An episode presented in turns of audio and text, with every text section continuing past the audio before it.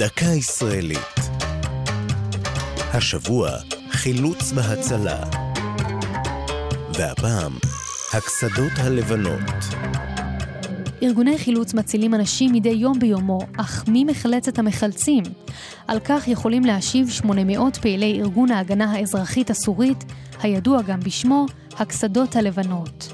הללו חולצו מקרבות מלחמת האזרחים בסוריה בסיוע ישראל וירדן. בארגון הסורי-טורקי, שהוקם לפני חמש שנים, חברים כשלושת אלפים מתנדבים. מטרתם, הצלת חיי התושבים ביישובים בשליטת המורדים, שנפגעו בתקיפות צבא סוריה. מייסדיו היו פעילי הגנה אזרחית מטורקיה. כחלק ממדי הארגון, חבשו חבריו קסדות לבנות, ומכאן שמו.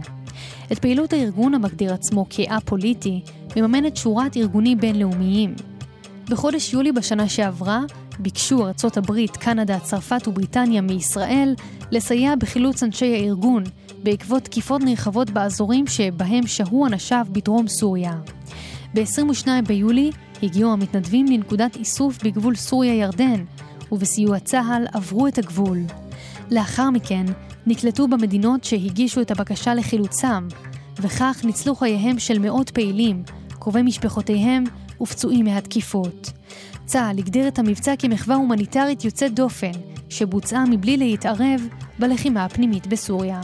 זו הייתה דקה ישראלית על חילוץ והצלה והקסדות הלבנות, כתבה יעלי פוקס, ייעוץ הפרופסור אייל זיסר, הגישה נועם גולדברג.